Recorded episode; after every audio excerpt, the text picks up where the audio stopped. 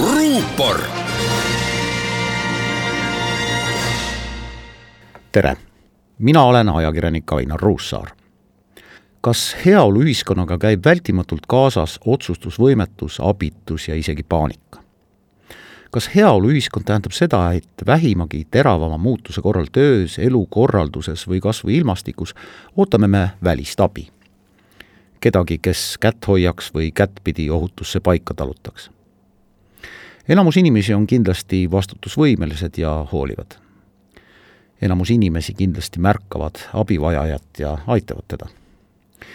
enamus inimesi on ilmselt siiski võimelised endale ja teistele elementaarset esmaabi andma.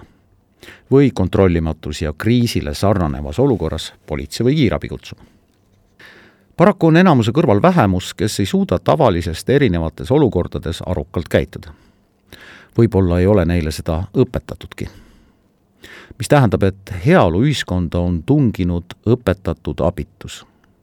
kust see alguse saab, koolist, vanemate lõpmatust nunnutamisest?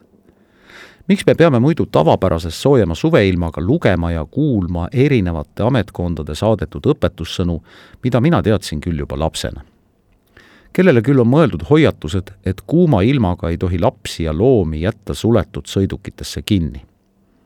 Ma ei tahaks uskuda, et ma elan koos inimestega, kes seda ei tea. aga neid juhuseid on. järelikult on ka vastutustundetuid inimesi. kuumaga tuleb juua tavapärasest rohkem vett.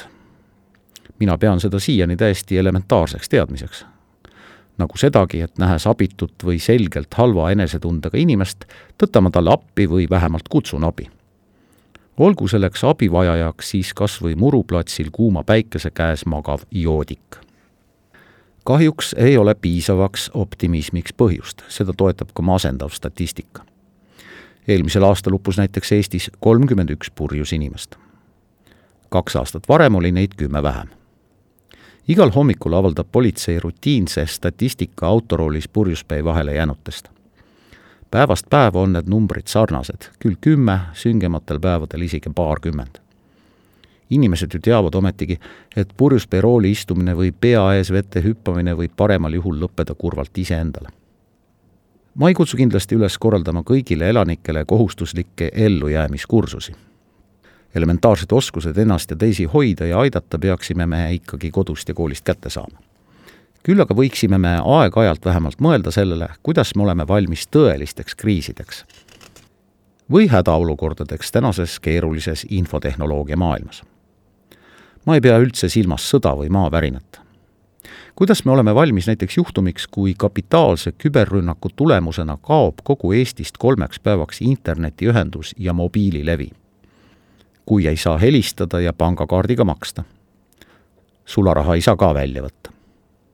tehnoloogia on erakordselt tänuväärt tugiteenus, aga on üsna korralikult suurendanud ka õpitud abitust ja õpetatud abitust. minus endas ka. Millele me peaksime ilmselt rohkem mõtlema, on otsustusvõime ja vastutusvõime arendamine.